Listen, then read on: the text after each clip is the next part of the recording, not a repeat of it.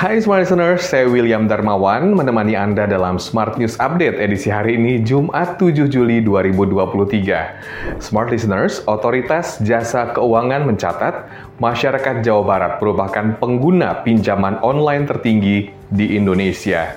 Kepala Eksekutif Pengawas IKNBK OJK Ogi Prastomiono menyebut jumlah pinjaman warga Jawa Barat mencapai 13,8 triliun rupiah per Mei 2023. Posisi kedua terbanyak pengguna pinjol ditempati oleh warga DKI Jakarta sebesar 10,5 triliun rupiah.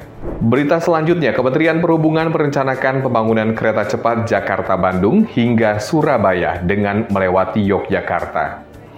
Direktur Jenderal Perkeretaapian Muhammad Rizal Wasal mengatakan dengan adanya pengalaman Indonesia dalam membangun kereta api cepat akan banyak penghematan yang dapat dilakukan. Kemudian, melalui hilirisasi akan banyak material yang digunakan dari dalam negeri sehingga akan menghasilkan terobosan-terobosan baru.